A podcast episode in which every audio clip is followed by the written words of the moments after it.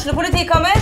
Ine Jansen er purk. Er du purk? The motherfucking bitch. Alt jeg vil, er å finne ut hva som skjedde med mannen min. Jon Carew. Er jeg sikta for noe? Iben Akeli. Det er du. Ole So, Lars Berrum og Big Daddy Karsten. Hvem sin side er du på, egentlig? Anette Hoff, Tone Danielsen, Kommer du fra Afrika? Jørnis Josef, Nesten. Kløfta. Trond Espen Seim, Det er synd å si det, men det var feil mann som døde. Purk. Premiere tirsdag på TV2 Play. Og velkommen til podkasten Fastlegetimen. Dette er podkasten for hverdagsmennesker med hverdagsproblemer, der du får din ukentlige dose av livsmestring og hverdagsråd. Har du kjent på at livet i perioder kan være nokså kronglete? Eller lurer du på hvordan du kan styrke båndet til partneren din? Eller kanskje du leter etter svar på de plagene som du har kjent på lenge?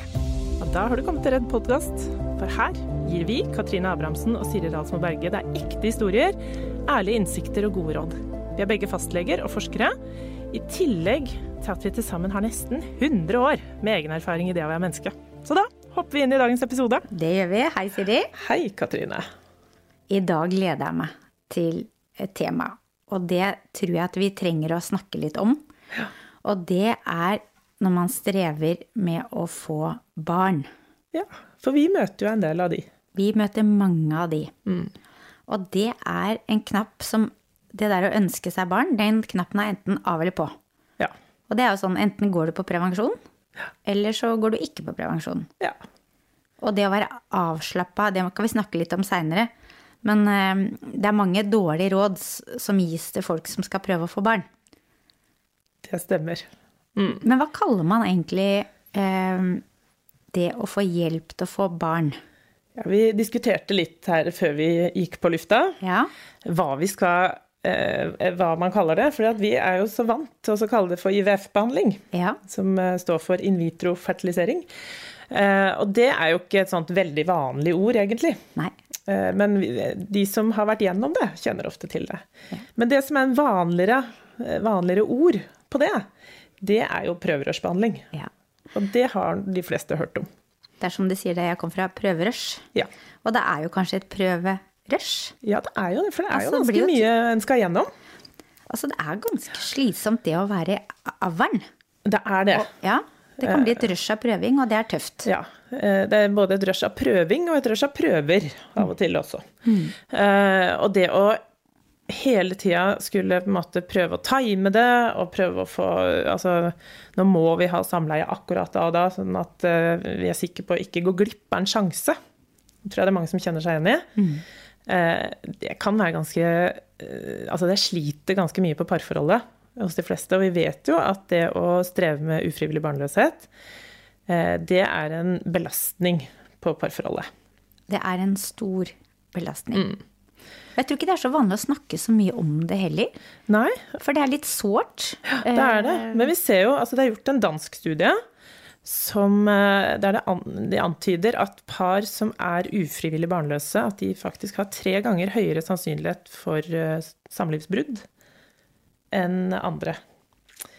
Eh, Og det sier jo litt om belastningen, tenker jeg, som det er på parforholdet. Å gå og ønske seg, ønske seg barn, og ikke få det.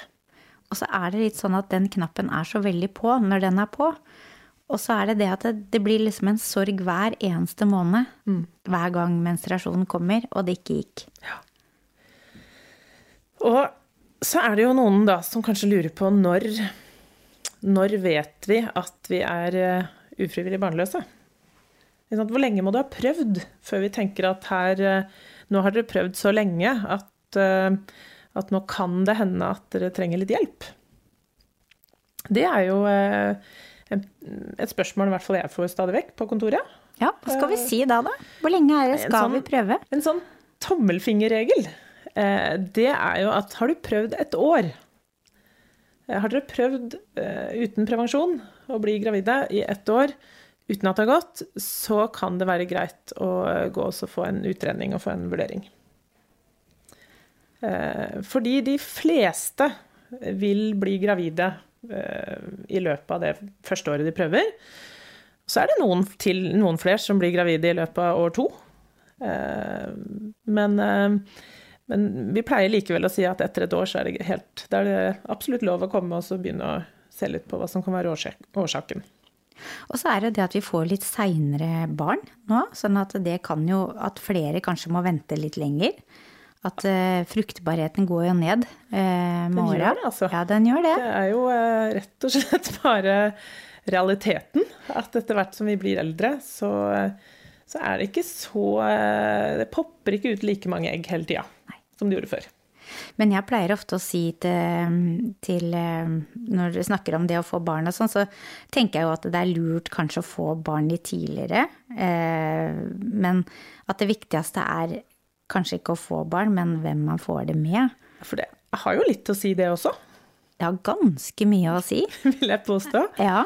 Uh, og jeg tenker at um, uh, det er jo en fordel at Altså, det er ikke så lurt å tenke at eh, ja, nå skal jeg, det her forholdet gå litt dårlig, men hvis vi bare får et barn, da blir det sikkert bedre. Det gjør det sjelden. Ja, Det er jo for det er jo også en belastning. veldig stor omveltning. Det skal vi snakke om litt seinere. Det skal vi snakke om en annen gang. Men hva Så- skal vi si til folk som For jeg, jeg får jo ofte par, par inn på kontoret, og så, og så er det jo ikke vi nødvendigvis som driver den utredningen. Eh, Det er jo ofte en gynekolog eller, eh, som, som gjør den utredninga. Men eh, har vi noe har vi noe konkret oppskrift for de som ønsker å få barn, hvordan, hvor ofte de skal ha samleie og sånn? Ja, Det har, Det ja, har vi. kanskje vi skal si noe det om det? Det kan vi godt si litt om, for det um, Altså, vi, vi tar jo inn, i hvert fall pleier jeg det, og så tar, tar en del prøver i starten og tar noen undersøkelser, og så sender jeg det videre. Um, men det som er greit å vite, det er at det holder Altså, det holder å ha samleie et par ganger i uka. To ganger i uka. Da har du liksom dekka opp, sånn at det alltid er en sædcelle tilgjengelig hvis det skulle komme et egg. Rett og slett. Eller motsatt. ja, det alltid, da vil det alltid være noe som kan møtes. Det er jo det som er viktig. Det er det som er viktig. Men når skal man begynne å ha samleie da? Hvis man tenker at det, man har en syklus altså, på 28 dager, da. Når, er det, når er det størst sjanse? Størst sjanse er jo rundt eggløsning. Ja. Det er, hvis du har en syklus på 28 dager, så er det etter eh, to uker etter forrige menstruasjon. Eh, Men så er det jo noen som har litt lengre sykluser, noen har litt uregelmessige sykluser, og da kan det være litt vanskeligere å vurdere. Eh, Du har jo da, Hvis du har lengre sykluser, og de er regelmessige, så kan du jo tenke mm, to uker før neste menstruasjon, hvis du logger det. At det, at det er det mest sannsynlige. Men du trenger likevel ikke å ha samleie flere ganger daglig rundt eggløsning. Det holder fortsatt med hver tredje dag ca. Og det tror jeg faktisk er litt ålreit for folk å vite. Vet du, det er det. Jeg har hatt mange innom som har eh, senka skuldrene og pusta litt letta ut når de har hørt det. Ja, for det der å være i avlen er slitsomt. Det er det. Ja, det er det. Eh, og eh, det er jo gjerne sånn at eh, eh, Før så var det da gøy å ha sex, og plutselig så er det blitt litt mer sånn plikt, eller en sånn ting en bare må gjøre for å prøve å få laga denne ungen. Eh, og så blir det liksom ikke så gøy lenger. Det er i hvert fall det mange har fortalt meg. Ja, nei, det er, eh, det er og særlig Nei, det er eh, vanskelig, det der. Men det der å starte tidlig Jeg pleier ofte å si til folk at uh, ti dager etter siste menstruasjon, at eh, da kan man begynne med samleiefrekvensen. Ja. Absolutt. Ja. Eh, sånn at, og det betyr jo at man får litt pause. Eh, I tillegg så er jeg litt for at en eh, At de samleiene dere har for å prøve å få unger, at ikke det er den eneste sexen dere har. Nei. For er, da blir det veldig fort at, at det blir en sånn kobling i huet mellom at sex, det er bare sånn plikt og stress og samleie for å få unger. Men så skal det jo være litt ålreit òg, da. Det skal, det skal helst være litt nytelse inne i bildet, og så er det ikke alltid i den der eh, produksjonsfasen der at det er sånn veldig mye nytelse hver eneste gang og der og da, men, men kanskje kan en få til litt nytelse utenom. Der en tenker at nå, nå skal vi ikke ha samleie.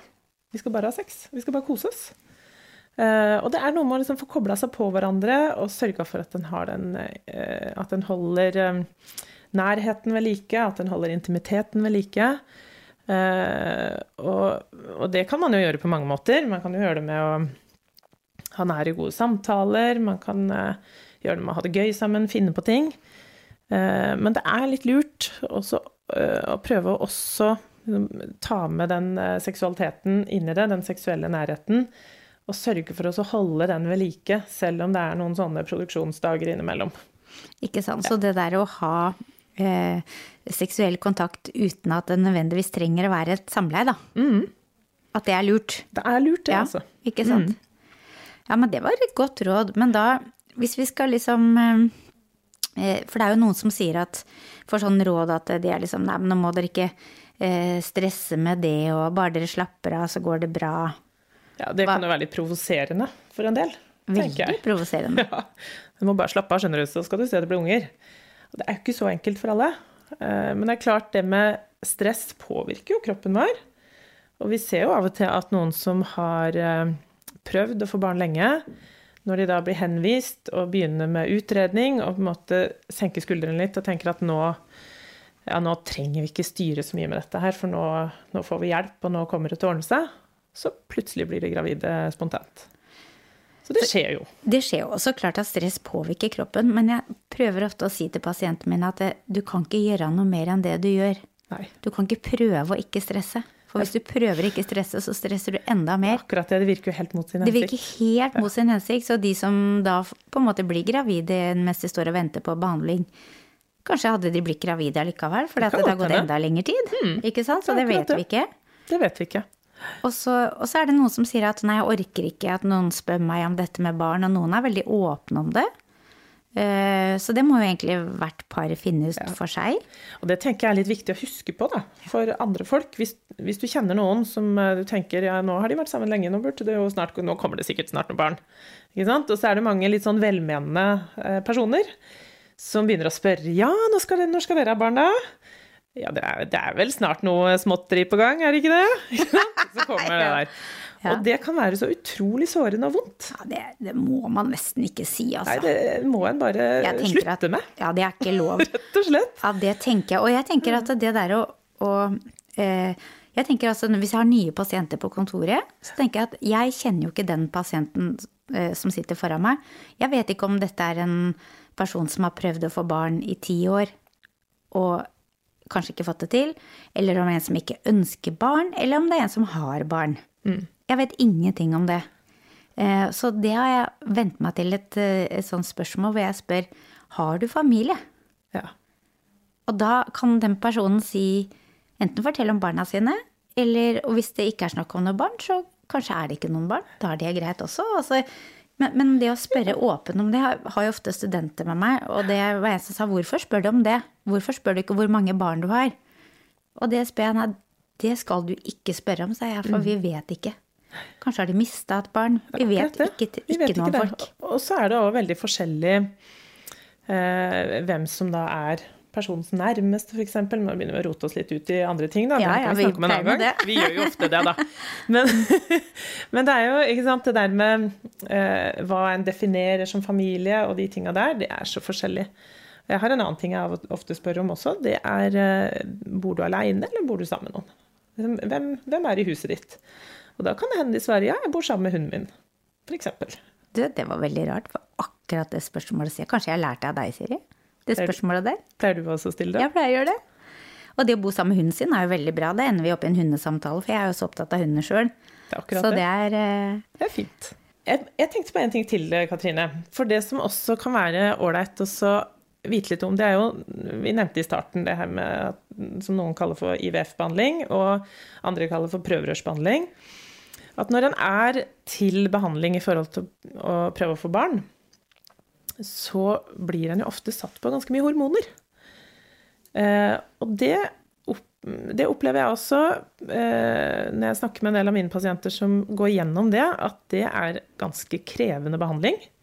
Det påvirker kroppen mye. Eh, og for noen så kan det bli utfordrende i forhold til jobb. Eh, og det, det kan være utfordrende i forhold til partner og andre nære, fordi at en, en blir rett og slett det vi kaller for veldig hormonell. fordi en har mye hormoner i kroppen. Eh, blir mye mer nærtagende kanskje, får kortere lunte. Eh, gråter lettere. En del sånne ting som kan være utfordrende. Og det tenker jeg eh, Det som er vanskelig der, det er jo litt det der å eh, mange jeg har snakka med, lurer på liksom, hvor mye eh, Hvor mye skal jeg si til de andre rundt meg, og hvor mye skal jeg ikke si? Og så er det eh, litt forskjellig hva folk lander på. Eh, Noen liker å være veldig åpne og sier, liksom, syns det er deilig, for da, da vet alle rundt dem hva det handler om. Men så er det andre som syns det er litt vanskelig. Ikke fordi de ikke har lyst til å fortelle om eh, at de, hormon, at de går på hormoner og blir påvirka av det, men, men, det er litt det der at det er jo en veldig sånn privat sak også for mange. Det, og, og, det er jo veldig sårt for mange det ikke At ikke de klarte å få barn på vanlig måte. Um, og da å liksom skulle ha med arbeidsgiver og andre folk på den reisa og på hver, hvert forsøk som blir mislykka, f.eks., når ikke det gikk likevel, og så har du gått på de hormonene mange måneder, og det er jo en sorg, så kan det også være, eh, det også være litt sånn vanskelig. Absolutt. Og da tenker jeg da er det utrolig viktig at du og partneren din eh, og ta gjerne en prat med fastlegen hvis det kan være en, en samtalepartner blir enige om hva som er bra for dere. Mm. Eh, noen ønsker ikke de spørsmåla. Noen ønsker ikke de tekstmeldinga 'heia dere'. Eh, noen tenker at dette er vår sak. Ja. Og, og, det du sa med jobb, eh, Siri, at eh, fordi at noen blir så påvirka av de hormonene at de faktisk ikke klarer å jobbe, men de aller fleste klarer jo å fungere eh, sånn noenlunde. Ja.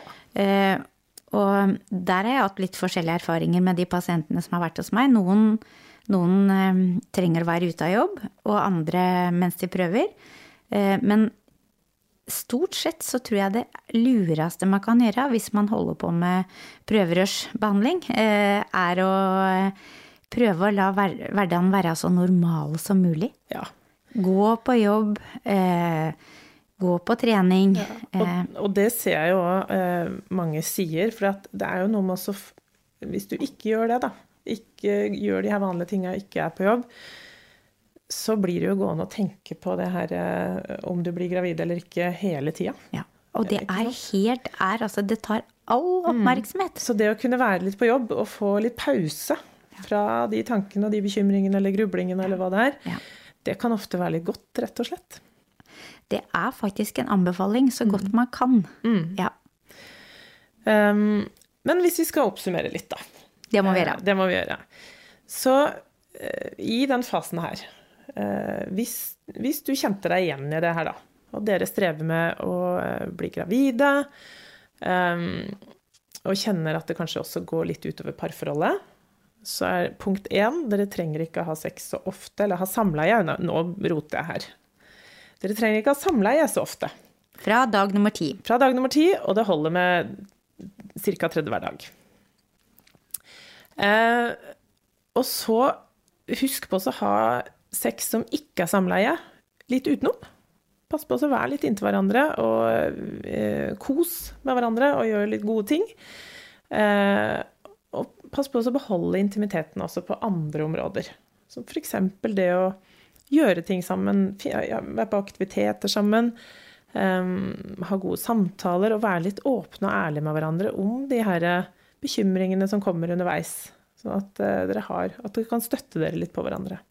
Og det kan jo kanskje være den siste fasen dere har hvor dere er si, frie og franke til å finne, finne, på noe. Det sa jeg til en av mine pasienter. Det er jo nå dere har sjansen til å dra på tur. Nå skal dere jo snart få en unge. Da har dere jo ikke tid til det. Da må dere være hjemme. Så det gjelder å utnytte tida litt òg. Ja. Og tenke, prøve å snu det litt. At, uh, se hvilke muligheter en har nå. Ja, det er noe med det.